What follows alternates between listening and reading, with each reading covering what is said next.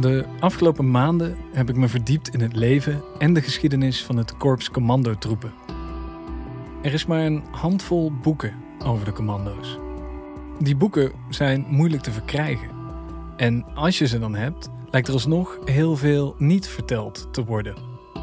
En ook als ik op de kazerne rondloop, gebeurt er veel om me heen dat ik niet meteen kan plaatsen. Het is alsof er achter de slagbomen van de kazerne een geheime wereld ligt. Waar je precies genoeg van komt te weten. Maar die alleen echt leert kennen als je een groene baret draagt. Of nou ja, dat is niet helemaal waar. Want van alle voltijdsbanen die er binnen het KCT zijn, wordt maar de helft door commando's zelf gevuld. De andere helft bestaat uit specialisten die de commando's ondersteunen. Die ondersteuning kan allerlei vormen aannemen: logistiek, materieel, maar ook in de vorm van onmisbare specialismen zoals explosieve opruimers. Er lopen hier dus ook mensen met een andere kleur baret rond. Of zelfs helemaal zonder baret. Hoeveel weten zij van deze geheime wereld? Mijn naam is Dennis Gaans. Ik ben schrijver en podcastmaker. En elke keer dat ik een commando spreek voor deze podcast, gaat er een klein beetje van die geheime wereld open. Maar ik ben ook benieuwd naar al die mensen eromheen. Hoe is het om met de commando's mee te gaan op missie als je er zelf geen bent? De commando's zijn omgeven door een zweem van geheimzinnigheid. Niemand weet precies wat ze doen, waar ze dat doen en wanneer. Maar daar komt nu verandering in. Dit is Below the Radar Above Yourself. Een podcast die een unieke inkijk geeft in het werk en het leven van de elite troepen van de landmacht. De Nederlandse Special Forces, oftewel de commando's. In deze podcast vertellen de commando's zelf waar ze voor opgeleid worden, hoe een geheime missie in zijn werk gaat en wat voor mensen het eigenlijk zijn, die mannen van het korps commandotroepen. Of het KCT, zoals ze het zelf noemen. Ik ben je gids in die wereld van het korps. Iedere aflevering neemt een van de commando's mij, en dus jou, mee op missie. In deze aflevering ga ik weer naar Roosendaal. Dit keer praat ik daar met Tim, die zelf geen commando is, maar wel vaak met ze samenwerkt. Hij zit namelijk bij de explosieve opruimingsdienst, die als specialistische ondersteuning met de commando's mee op missie gaat, ook wel soft support genoemd. Als er ergens een bom ligt, zijn het de mannen van de EOD die hem onschadelijk maken. Je ziet ze wel eens op het nieuws. Dat doen ze dus hier in Nederland, maar ook op missies met de commando's. Tim vertelt ons wat je van een bom over de maker kunt leren. En natuurlijk vertelt hij ook over een missie.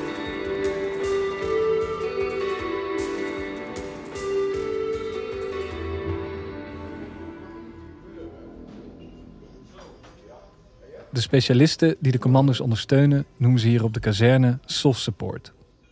SOF staat voor Special Operations Forces, de commando's dus. En binnen deze muren is er een zogenaamde Soft Truth. De meeste speciale operaties vereisen ondersteunende specialisten. Die soft support vind je dus hier in Roosendaal, maar sommige specialisten gaan ook mee op missie. Zoals de leden van de EOD, de explosieve opruimingsdienst. Ik ben benieuwd hoe het is om mee te gaan op missie met de commando's terwijl je er zelf geen bent. En daarover ga ik in gesprek met Tim. Die is niet zo ver van de kazerne waar we nu tegenover elkaar zitten opgegroeid.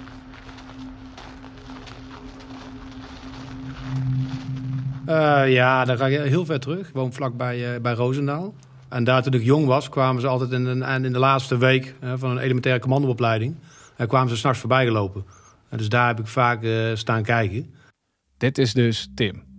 41 jaar, woonachtig in het zuiden. Ik ben, momenteel ben ik officier bij de EOD. Explosieve opruimingsdienst. Nou, ik heb heel veel met het KST gedaan in het verleden. Zowel eerst als explosieve opruimer. Uh, heb ik uh, meerdere missies gedraaid. Dus totaal denk ik zes uh, keer op uitzending geweest met, met het KST. En ik ben hier ook geplaatst geweest bij de sectie operatie. En daar heb ik ook wel meegewerkt om, om het project Dedicated Support verder te ontwikkelen.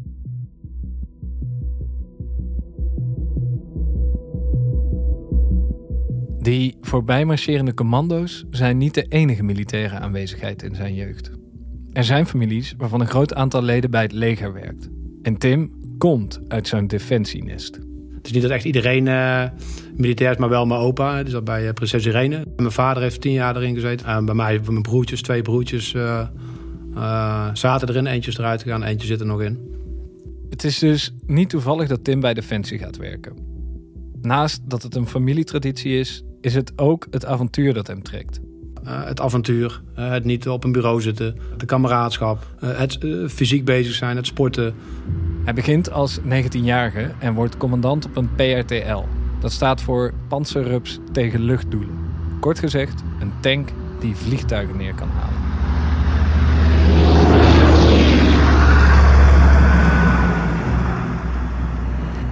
Daarna gaat hij bij de luchtmobiele brigade en wordt hij verschillende keren uitgezonden. Maar uiteindelijk wil hij iets anders en komt hij uit bij de EOD. Toen heb ik echt gekozen van oké, ik wil nu een eenheid hebben die ook een taak in Nederland heeft. Uh, en daar heb ik toen heel specifiek voor de EOD uh, heb ik toen gekozen.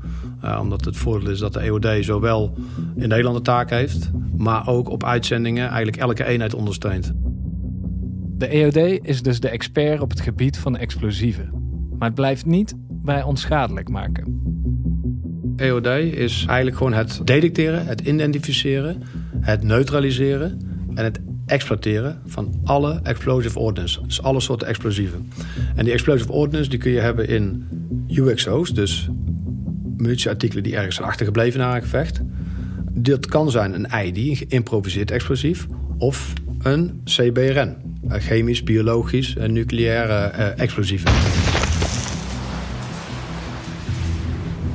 Dus dat is eigenlijk heel breed. Dus het is heel, heel, heel het scala van, van explosieven.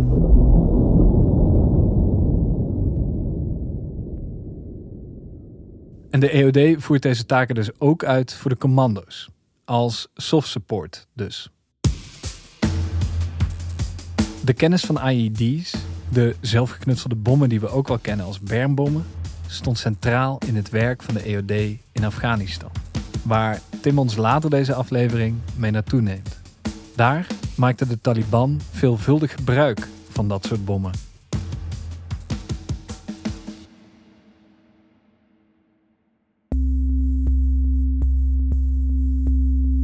Als we dan kijken voor de ondersteuning voor SOF, dan zit er dus nog iets bij. Dus vooral het, het, het laatste stukje, exploitatie. Het exploiteren van een incident. Dus eigenlijk het exploiteren van die geïmproviseerde e- explosief. En dan gaan we dus kijken van het is niet alleen maar het onschadelijk maken van het explosief, maar voornamelijk het onderzoeken ervan. Dat gaat zelfs naar meerdere niveaus toe, waarbij we eh, proberen vingerafdrukken, DNA, toolmarkings. Kijk, om een geïmproviseerd explosief, om die ergens te plaatsen, dat doe je niet in je eentje. Jij bent eerst gewerfd om dat te doen. Uh, misschien ben, uh, moesten we je eens wel radicaliseren om het te doen. Uh, dus daar zit al iets achter. Vervolgens, een handgranaat kun je zo kopen. Kun je zo kopen, kun je eentje een handgranaat kopen en die kun je zo gooien. Maar geïmproviseerd explosief moet je wel eens bouwen. Moet je wel kennis van hebben. Die kennis moet je gaan vergaren. Ja, dus je moet gaan zoeken om, om die informatie te krijgen. Dus daar kun je alweer, dan kunnen wij mogelijk ook weer iets, iets vinden bij, bij hun. Dus je hebt de bombeelder. Dat is een belangrijk persoon in het netwerk. Degene die de bommen bouwt. Want er zijn meer mensen die de bommen leggen dan die hem bouwt. Dan heb je iemand die moet het gaan financieren. Dus iemand die het moet gaan betalen. Daar zijn geldstromen voor nodig. Nou, en zo zie je op het laatst dat er een heel netwerk is van actoren... die allemaal bezig zijn om eigenlijk die ene bom die daar aan de grond... die onschadelijk hebben gemaakt, die heeft gezorgd dat die bom daar ligt. en dat is eigenlijk uh, hetgene wat we voornamelijk dan voor, voor de SF hebben gedaan in, uh, in Afghanistan. om daar proberen zoveel mogelijk informatie uit te halen... om eigenlijk targetingproces, om dat mogelijk te maken. Dus om constant het netwerk van de, van de opponent eh, dat eigenlijk eh, te neutraliseren. Ja, ja, dat proberen we. Dat doen wij natuurlijk niet alleen als EOD. want hoe hoger het level, hoe meer erachter zit. Maar als je het vergelijkt in Nederland. In Nederland maken wij alleen maar de bom onschadelijk. Vervolgens komt de forensisch opsporing, politie. En dan gaat het naar het NFI, het Nationaal Forensisch Instituut. En die gaan dat doen. Maar dat kan in een uitzendgebied niet. Dus in een uitzendgebied zie je dat wij, dat heet dan een Weapon Intelligence Team. Hè, dus, uh, en soms kan het alleen maar twee EOD'ers zijn. Dat we met een paar mensen met inlichtingen toch proberen zoveel mogelijk daaruit te halen.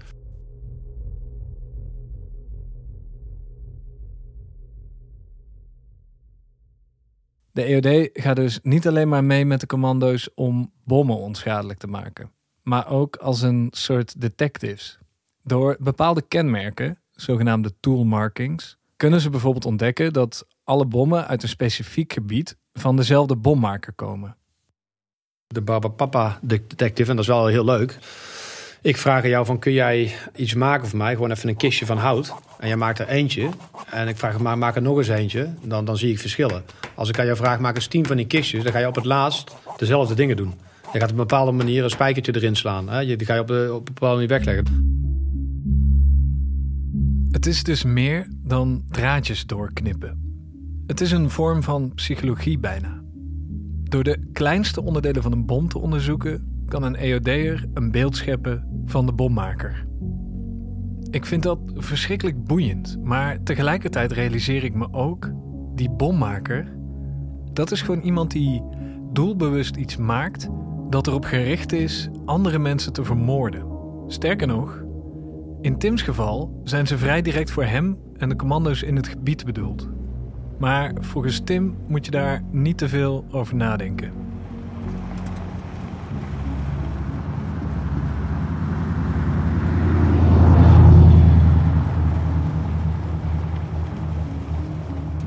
Maar ik denk als je, als je dat gaat denken, maar hetzelfde als je buiten rijdt en je gaat denken dat je beschoten kunt worden, dat je dood kunt gaan.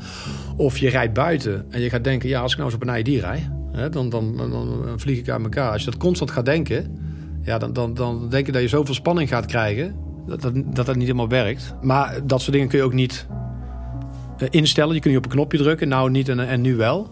Maar voor mezelf moet ik zeggen, natuurlijk, ik heb momenten gehad dat ik, uh, dat ik bang was. Ik heb momenten gehad dat ik dacht van, uh, ik denk dat ik niet meer thuis kom. Uh, maar maar ik, heb, ik heb nooit, ja, moet ik zeggen, echt angst gehad dat ik denk van, dus echt, dat, dat je ook niet onder controle hebt of zo. Nee, het is altijd gewoon wel een gezonde spanning geweest. Een gezonde spanning. Dat is iets wat mensen over voetbalwedstrijden zeggen of over spreken in het openbaar. Maar voor Tim is dus het onschadelijk maken van een bom hetzelfde. En dat is iets wat ik herken uit mijn gesprekken met de commando's. Dit is hun werk. Hier zijn ze goed in. Dat is de mindset. En die geldt dus niet alleen voor de commando's, maar ook voor de specialistische diensten, de soft support. En dat moet ook wel. Om met de commando's mee te gaan, moet je net zo stressbestendig zijn als de commando's zelf. En je moet net als die commando's alles uit de kast halen. Je loopt namelijk net zoveel gevaar als de commando's.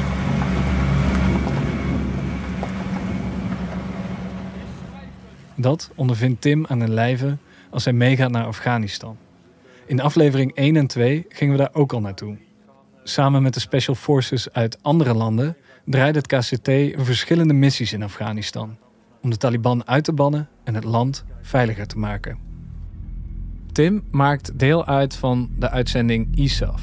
Dat staat voor International Security Assistance Force. Het doel van die missie is het verkennen en het veiligstellen van bepaalde gebieden waar mogelijk Taliban-strijders zitten. Dit is veel vroeger dan de missies die we eerder tegenkwamen en dus veel gevaarlijker.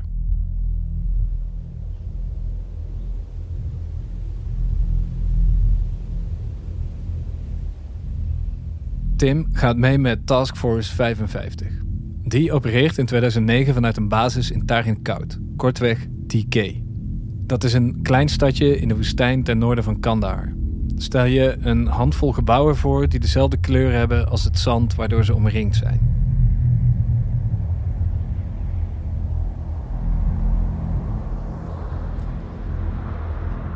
Voor deze specifieke missie heeft de taskforce het doel om de weg die van de basis in TK naar Kandahar loopt veilig te stellen. En dat was eigenlijk een route die, als die gebruikt werd, vaak werd aangegrepen. dus zowel met IED's als door middel van hinderlagen.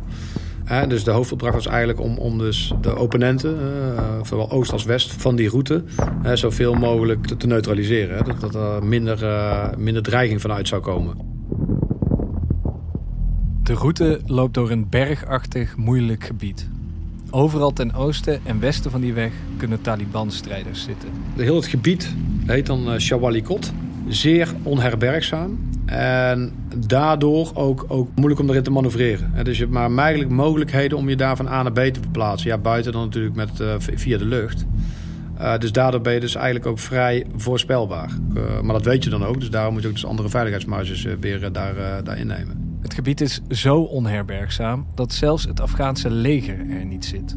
Een perfecte plek dus voor de Taliban om hun belangrijkste mensen en hun bommenbouwers neer te zetten.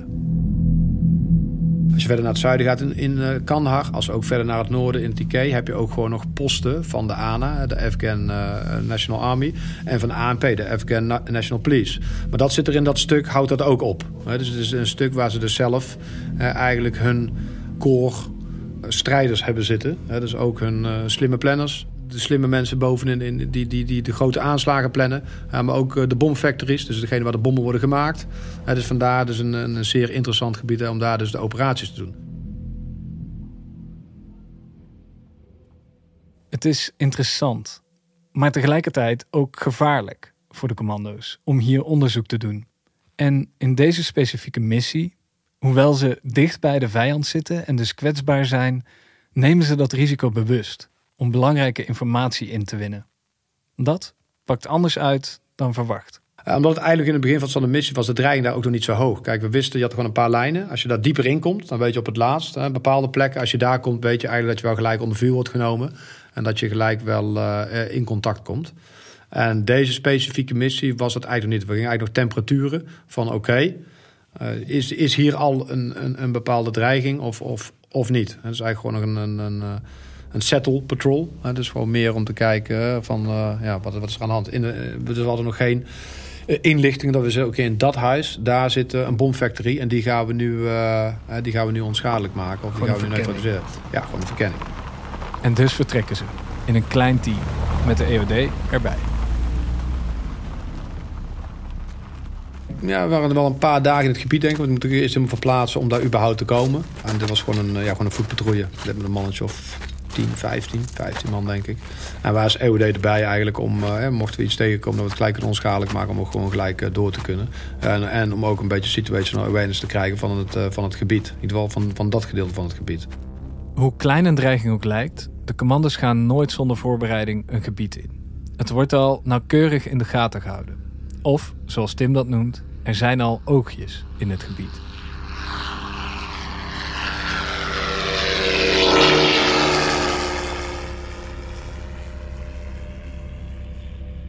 Dat kan zowel zijn fysiek, hè, dat de mensen al ergens op een berg uh, liggen, hè, misschien al dagen, hè, om een bepaald gebied in te kijken, als uh, via UAV's, Unmanned Area Vehicle, dus kleine vliegtuigjes in de lucht, of zelfs gewoon uh, grotere vliegtuigen, om zo al in kaart te brengen van wat daar eventueel zou kunnen zitten. Voor de rest afluisteren. dus dus we luisteren natuurlijk af, hun communicatiemiddelen. en daar horen we ook natuurlijk van wat ze aan het doen zijn of wat ze eventueel gaan doen en daardoor heb je dus ook een bepaalde voorwaarschuwing. En daar kun je dan weer op reageren. Al snel blijkt dat de patrouille niet zo veilig is als ze dachten. Ze lopen de frequenties van de vijand af om te kijken of die aanwezig is in het gebied. En dan hebben ze beet. En niet alleen zitten er Taliban-strijders, die strijders hebben de patrouille ook gezien. Ja, dus we kregen al wel via het afluisteren van hun uh, communicatiemiddelen... van hey, let op, er lopen mensen in ons gebied en er komt de patrouille voorbij dus in die zin wisten we al wel van oké, okay, is het mogelijk, uh, zit er een hinderlaag aan te komen. Ja, en zei ook van oké, ga alles klaarzetten. Dus uh, mitrailleuren klaarzetten, mortieren klaarzetten, PKM klaarzetten. Nou, dan denk je wel, kijk, als je natuurlijk zegt van een moment van een wat minder gevoel. Maar dat is wel een moment dat je even denkt van mm, shit, oké, het gaat er wel gebeuren.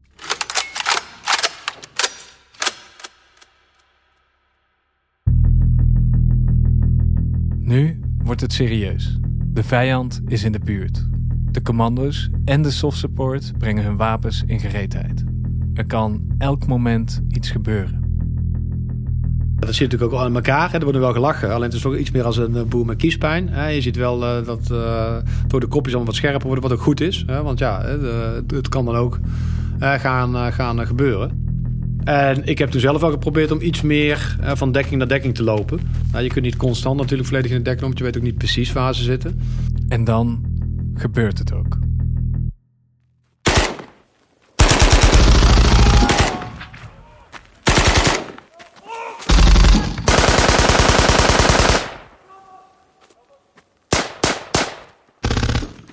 Ja, en toen in één keer begon eigenlijk hun, hun vuuroverval. Dus vanuit de tegenstander, de vuuroverval op onze lopende patrouille. Ja, waarbij ik ongeveer een beetje halverwege zit. Kijk, als EOD lopen we zo patrouille niet voorop.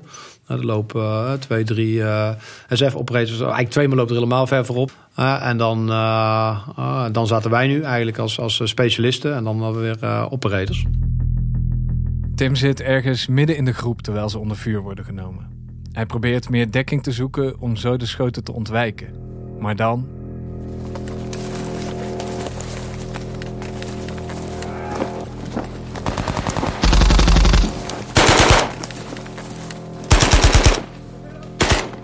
Met de eerste vuuroverval werd ik en ook eigenlijk de commandant van de eenheid. Dus van eh, de SF-operators, eh, de kapitein. Die werd, uh, die werd eigenlijk bij de eerste vuuroverval allebei met een kogel geraakt. Ja, voor mij was het eigenlijk toen net omdat ik werd geraakt door een, door, een auto, een vrachtwagen, echt een mega harde klap. Ook, ook veel pijn. Ging hij bij mijn schouder ging hij erin. Ja, ik was eigenlijk bijna net weg bij de dekking. Ik was ook bijna met mijn hoofd uit net weg. Uh, hij zal ook wel mijn hoofd gericht hebben, maar net uh, wat dat betreft dan toch weer geluk. Schouder erin.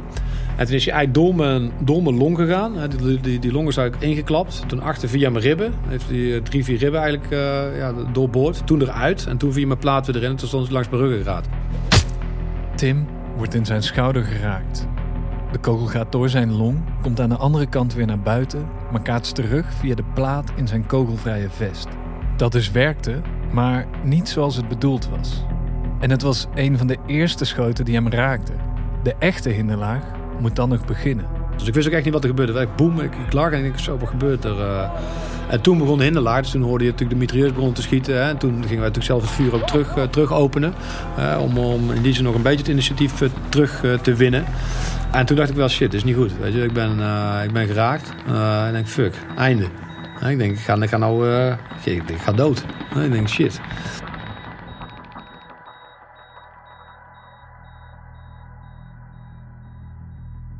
Ik had ook met de kleine thuis. Die was net, net een jaar. Dus ik dacht, ja, dat ging eigenlijk allemaal vrij snel. Want ik dacht, ah man. Nou, toen dacht ik, ja, oké. Okay, ik kan er nou weinig meer aan veranderen. dit is het dan. Maar dan gaan we een minuut gaan verder, verder. En dan denk je, oké, ja, ik ben er nog. Uh, hè? Toen weet ik niet eens hoe lang dit eigenlijk helemaal heeft geduurd. Of we daar nou een uur hebben gelegen, anderhalf uur.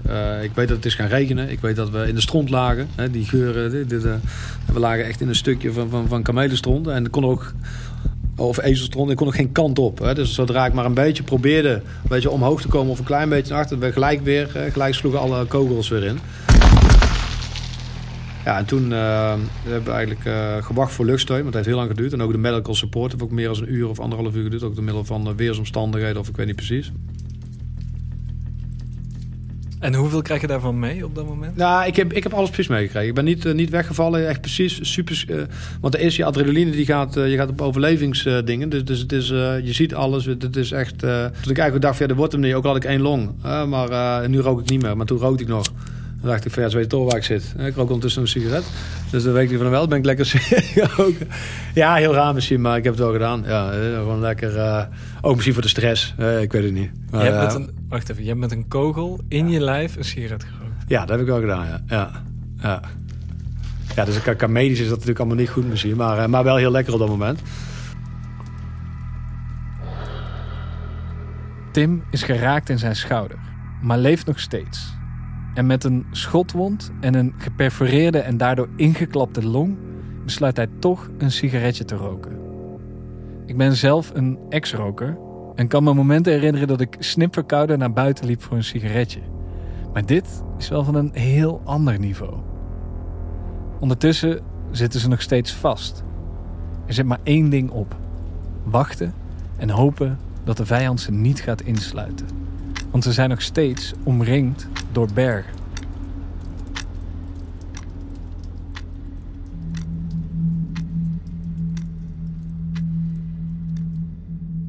Dus ik heb wel ook wel gedacht, weet je wel, echt wel along the way af en toe van ja, shit, ik hoop maar niet dat ze ons gaan flankeren. Hè? Dus je had wel een hoge, hoge gebied, eigenlijk eh, een, een, een, bergketen.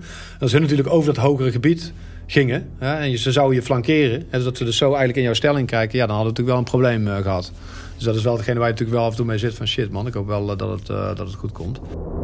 En uiteindelijk komt het goed. De gehoopte luchtsteun arriveert. Maar de vraag is dan nog steeds of Tim dit gaat overleven. Toen eigenlijk de medevac heli kwam, uh, dat was, die is vanuit Kandahar gekomen. Een uh, uh, speciale Blackhawk is dat. Met Pieter met parajumpers, speciale medisch en ook... Ja, zijn ook soort SF-eenheden die daadwerkelijk op een hot LZ noemen ze dat dan. Hè? Dus een een eh, landing zone die hot is. Dus waar dus eventueel vijanden zitten waar vuur is. En die, gaan hem wel gewoon, die zetten hem wel gewoon echt aan de grond. Die hebben aan beide kanten Gatling gun. Dus er kan ook wel redelijk wat vuur uitbrengen.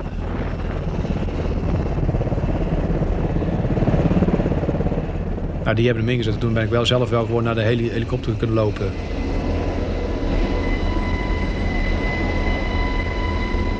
Nou, toen gingen we samen dus de heli in. En ik weet, het enige wat ik weet is dat ze heel de tijd geprobeerd hebben om infuus te prikken in de heli. Maar dat lukte niet. En dan kwam omdat elkaar vrij veel bloed had verloren toch. Omdat je dus veel bloed verliest, worden dus je aders dun. Dus dat lukte niet. Ze zijn dan wel uit het gebied vertrokken. Tim is nog altijd niet safe. Er zit nog steeds een kogel in hem. Hij heeft een geperforeerde en daardoor ingeklapte long. En inmiddels heeft hij ook veel bloed verloren. Maar uiteindelijk bereiken ze het kamp in DK.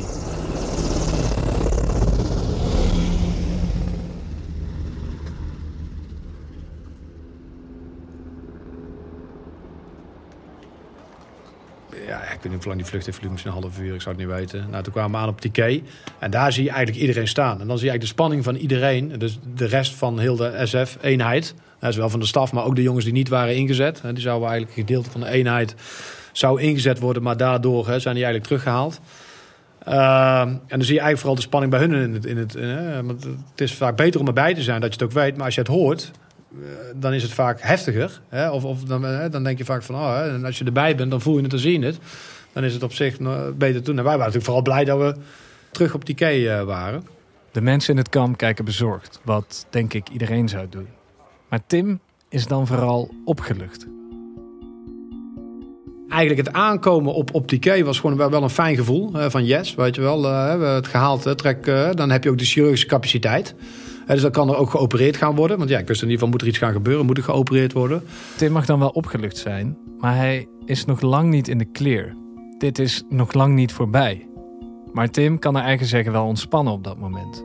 Ik kan het bijna niet geloven, maar als je het hem hoort vertellen, zijn er tijdens het hele verhaal maar drie momenten die voor hem stressvol waren het eerste moment toen ik net weg, echt net ben neergeschoten, dan dacht ik even van ja, oké, dit is het. het gevoel, pijn, ding. Ik wist ook niet. Ik denk, is dit het nu? Nou, ga ik nog iets zien of eh, ga ik nu dood? En uh, wat ik zeg, ik dacht echt aan, aan de vrouw en aan, aan, aan die zoon van mij. Van fuck, weet je wel, kloot. Ja, ik dacht, ja, weet je, ze zijn nog jong. goede verzekering. dan krijgen we geld. Dus, dat denk je. Ja, ik, ik heb dat toen gedacht. Hè, van toch wel een beetje positief. Ja, maar dat is makkelijker ook voor mezelf. Klinkt heel raar misschien, maar op die manier, kijk, als je daar nog daarover zit als je gaat zeggen van, oh, dat had ik nooit moeten doen. En zo, ja, dan, dan ga je en dood en dan ga je nog, uh, ook zonde. Maar in ieder geval dat een moment. Dan een moment, weet je een beetje along the way. Het na de drie kwartier of na een uur van, ja... Uh, gaan ze ons niet flankeren, weet je. Word ik niet hier alsnog uit, uit de voeding geschoten. En het derde moment komt nadat hij al een tijdje terug is op het kamp. En de artsen bezig zijn om de kogel te verwijderen, zijn longen leeg te zuigen en hem stabiel te houden. Die artsen vechten op dat moment voor zijn leven. En of dat na een uur is geweest of twee uur, toen zei ze in ieder geval, uh, gingen ze de slangen hierin doen en uh, dus drains in, in mijn longen. Daar zie je de spanning eigenlijk bij het medisch personeel. En dat was omdat hij niet wist wat er aan had. Hij zei twee gaten, dus ik dacht constant dat er nog twee kogels waren. Ik zei, nee, ik weet zeker, ik ben één keer geraakt. Hè. Dus niet, uh, het zijn niet twee kogels geweest. en toen vroeg ik dus ook aan die arts van, hey, ga, ik het, ga ik het overleven of niet? En die zei van, ja, ik weet niet meer hoe, hoe het zei, maar dat was in ieder geval niet een overtuigende ja. Uh, dus ik dacht toen wel van, oh, shit. De uren daarna herinnert Tim zich niet zo goed. Hij krijgt ketamine voor de pijn toegediend en verdwijnt in een roes waar hij af en toe uit opduikt met bezorgd personeel om zich heen. Maar in ieder geval na een uur of twee of drie of zo was het wel van oké, stabiel. En nou, dan ga ik naar een ander bed. En toen heb ik ook voor het eerst kunnen bellen naar huis. Dat laten ze ook het liefst zelf doen. Uh, die, die was er wel geïnformeerd. Dus dat er, eh, dat er iets mis was met mij. Nou, dan, dan praat je elkaar en dan is het wel, natuurlijk wel emotioneel. Eh, en dan, eh, Wat zeg je dan? Ja, ik, ja, ik ben meestal een redelijke hork. Dus uh, ik, bij deze zat ook wel weer niet... Uh, ja, ik zou eigenlijk niet meer durven zeggen wat ik, uh, wat ik heb gezegd, hoor. maar ik, ik, denk, zover, ja, ik, ik zou het niet meer kunnen herinneren. Maar ik denk gewoon geruststellend van, hey, het is allemaal goed. Het is allemaal goed. Tim is door een kogel geraakt. Hij heeft een geperforeerde en daardoor ingeklapte long. Hij heeft heel veel bloed verloren en die kogel zit nog steeds in hem. Maar hij zegt: Het is allemaal goed. Met de kogel in zijn lijf wordt hij vanuit het kamp naar Kandahar vervoerd, vanuit Kandahar naar Heathrow en vanuit Heathrow naar Nederland. Tim landt in Rotterdam en gaat van daaruit direct door naar het ziekenhuis waar de kogel pas verwijderd zal worden. En daar wachten ook zijn vrouw en zijn zus op hem. Ik, viel toen af en toe nog weg. Dus, eh, dus voor hem was dat helemaal heftig, weet je En met slangen erin en ik die wegdraaide met mijn ogen en, en wegviel. En, uh, ja, dus dat, was, dat zijn natuurlijk allemaal beelden die niet bij mij, maar wel bij, bij mijn vrouw op het netvlies staan. Nou, vervolgens die kleine erbij. Alleen ja, dan komt toch weer de, het operationele. Kijk, je, bent, je bent daar met een team, weet je wel. Je bent daar, mooi, je bent daar dat werk aan doen. Je wordt eigenlijk in één keer eruit getrokken. En ik wilde helemaal niet daar in het ziekenhuis zijn. Ik wilde in Afghanistan zijn. Dus ik ben gaan bellen met de commandant daar. Hè, van ja, niet of het een of ander, maar ik denk dat het drie weken duurt. En dan wil ik terug. En dit heb je ook tegen je vrouw gezegd? Dat heb ik ook tegen mijn vrouw gezegd. Dat, uh, bij deze excuses. Dat, dat was niet goed. Dat was echt fout. Weet je. Dat, heeft, uh, dat heeft ze echt niet, uh, ja, niet tof gevonden. En helemaal omdat je gewoon weet. Dat ben ik nu dan 100%, dat wist ik toen eigenlijk al van 99%, dat dat ook niet kan. Oké, dit is even iets om bij stil te staan. Nog geen drie dagen nadat Tim is neergeschoten, luttele uren nadat hij geopereerd is, wil hij eigenlijk alweer terug naar Afghanistan. Ja, ik denk aan elke uh, meeste militairs en wie het zou vragen, die zullen toch datzelfde hebben. Om, uh, je hebt de, kijk, dus als mensen natuurlijk zien op, op uitzending, maar soms ook als je ziet wat er in Nederland kan gebeuren, ja. kan ook van alles misgaan. Alleen in Nederland, dat, daar voelen we ons thuis. Dat is ons land, dat vinden we normaal. Maar ik zeg soms wel eens, pak eens een krantartikel wat er in Nederland in een weekend gebeurt. En ga er eens goed naar kijken. En zet dat dan weg tegen nu eh, informatie wat er bijvoorbeeld in Kandahar in Afghanistan gebeurt. Dan zie je eigenlijk dat, dat, eh, dat, dat, dat, dat hier ook van alles gebeurt. Alleen hier zien we dat als zijnde niet dezelfde heftigheid. Omdat het, in, eh, omdat het, ja, het is Nederland, het is hier. Hè, maar hier worden mensen neergestoken, neergeschoten.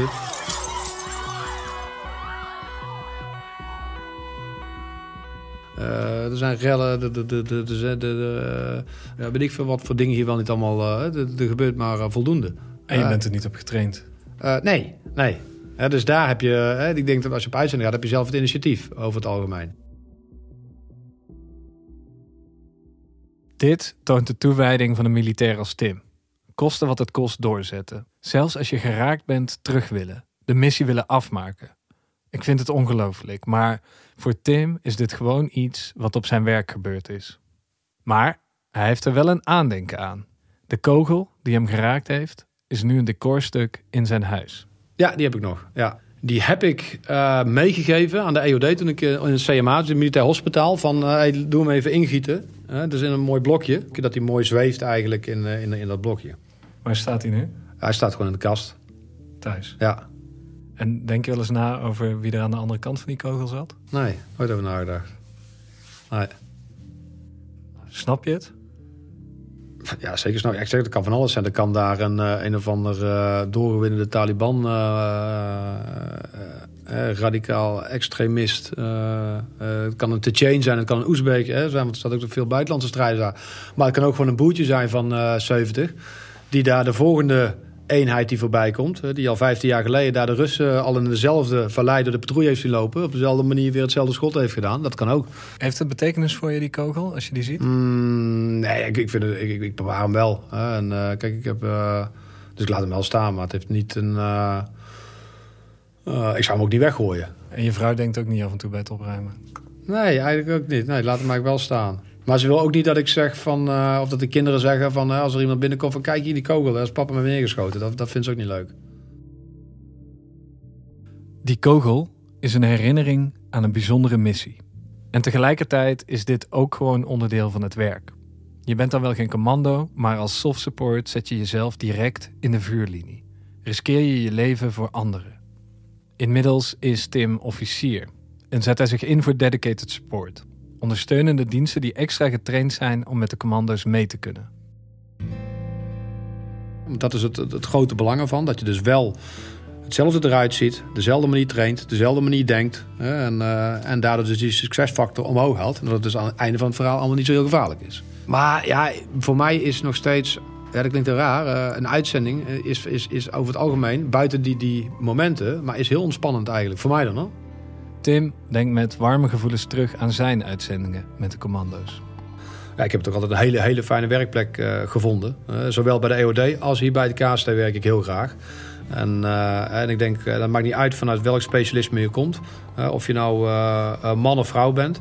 het is altijd gewoon een warme deken. ja, je, wordt, je wordt gewaardeerd voor hetgene wat je, wat je meebrengt. in de plaats van het predicaat SF, SOF, man, vrouw, whatever. Dus in die zin is het wel een, een, een hele prettige eenheid om, om te werken. En tuurlijk, je bent geen SF-operator. Alleen je wordt echt wel gezien als een van, van, van, van de club. Hè. Ik heb hier nooit het gevoel gehad dat ik als een enabler behandeld werd. Of, de, de, dus je wordt gewoon echt gewoon gezien als, als soft support. en als, gewoon als een, een van de jongens. Als je met de commando's samenwerkt, ben je een van de jongens. En voor die jongens gelden dezelfde idealen, dezelfde karaktertrekken en dezelfde waarden. Wie voor of met het KCT wil werken, zal die waarden moeten dragen. En dat zijn geen lijstjes die je kunt afvinken. Wat, wat moet je dan meebrengen? Kijk, ik denk dat het belangrijkste is echt niet dat je de, meest sterkste man van Nederland bent. Hè, of de meest slimme man. Hè. Alleen je moet, uh, wat ze dan noemen, soft mindset. En die moet je wel hebben. En dat is ook dat je dus past weet je, in het geheel. Uh, out of the box durven denken. Buiten de lijntjes durven kleuren. Afstappen van je eigen conventionele procedure. Hè, dus onconventioneel optreden. Ja, er is, er is van jou van alles aangeleerd. Alleen in deze situatie is het toch even slimmer om het anders te doen. En dan moet je ook durven. Je moet durven soms van een bepaalde procedure af te wijken. Omdat het op dat moment, weet je wel, het beste is. Uh, en ik denk als je die mindset hebt... en dat is een bepaald, ook een bepaald karakter... dat, je, dat je dan hiervoor doet. En ja, hoe ga je dat dan trainen, testen? I don't know. maar ik weet wel van als je het hebt... dat je dan goed, bij, goed in, in dit werk past...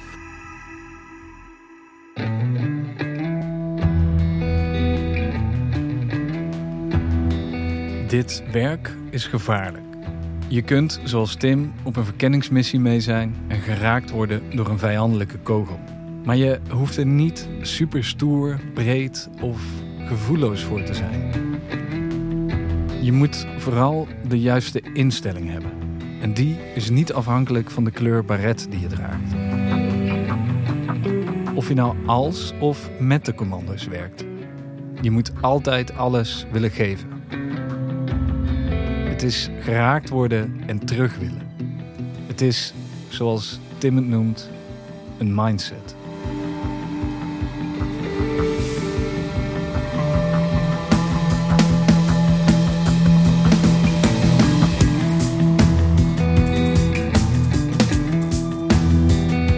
Dit was de vierde aflevering van Below the Radar Above Yourself. Ben je nieuwsgierig geworden naar het leven als commando en wil je meer weten over de opleiding? Kijk dan op werkenbijdefensie.nl-commando of klik op de link in de show notes. In de volgende aflevering gaan we de hoogte in, maar dan ook echt. Meer dan 6000 meter. Operator Henk vertelt je dan over hoe het korps tijdens een trainingsmissie een tweetal verongelukte bergbeklimmers moest redden op Mount McKinley. Below the Radar Above Yourself is een podcast van het ministerie van Defensie en Dag en Nacht Media. Het sounddesign is van Studio Cloak en mijn naam is Dennis Gaans. Je hoort me weer in de volgende aflevering.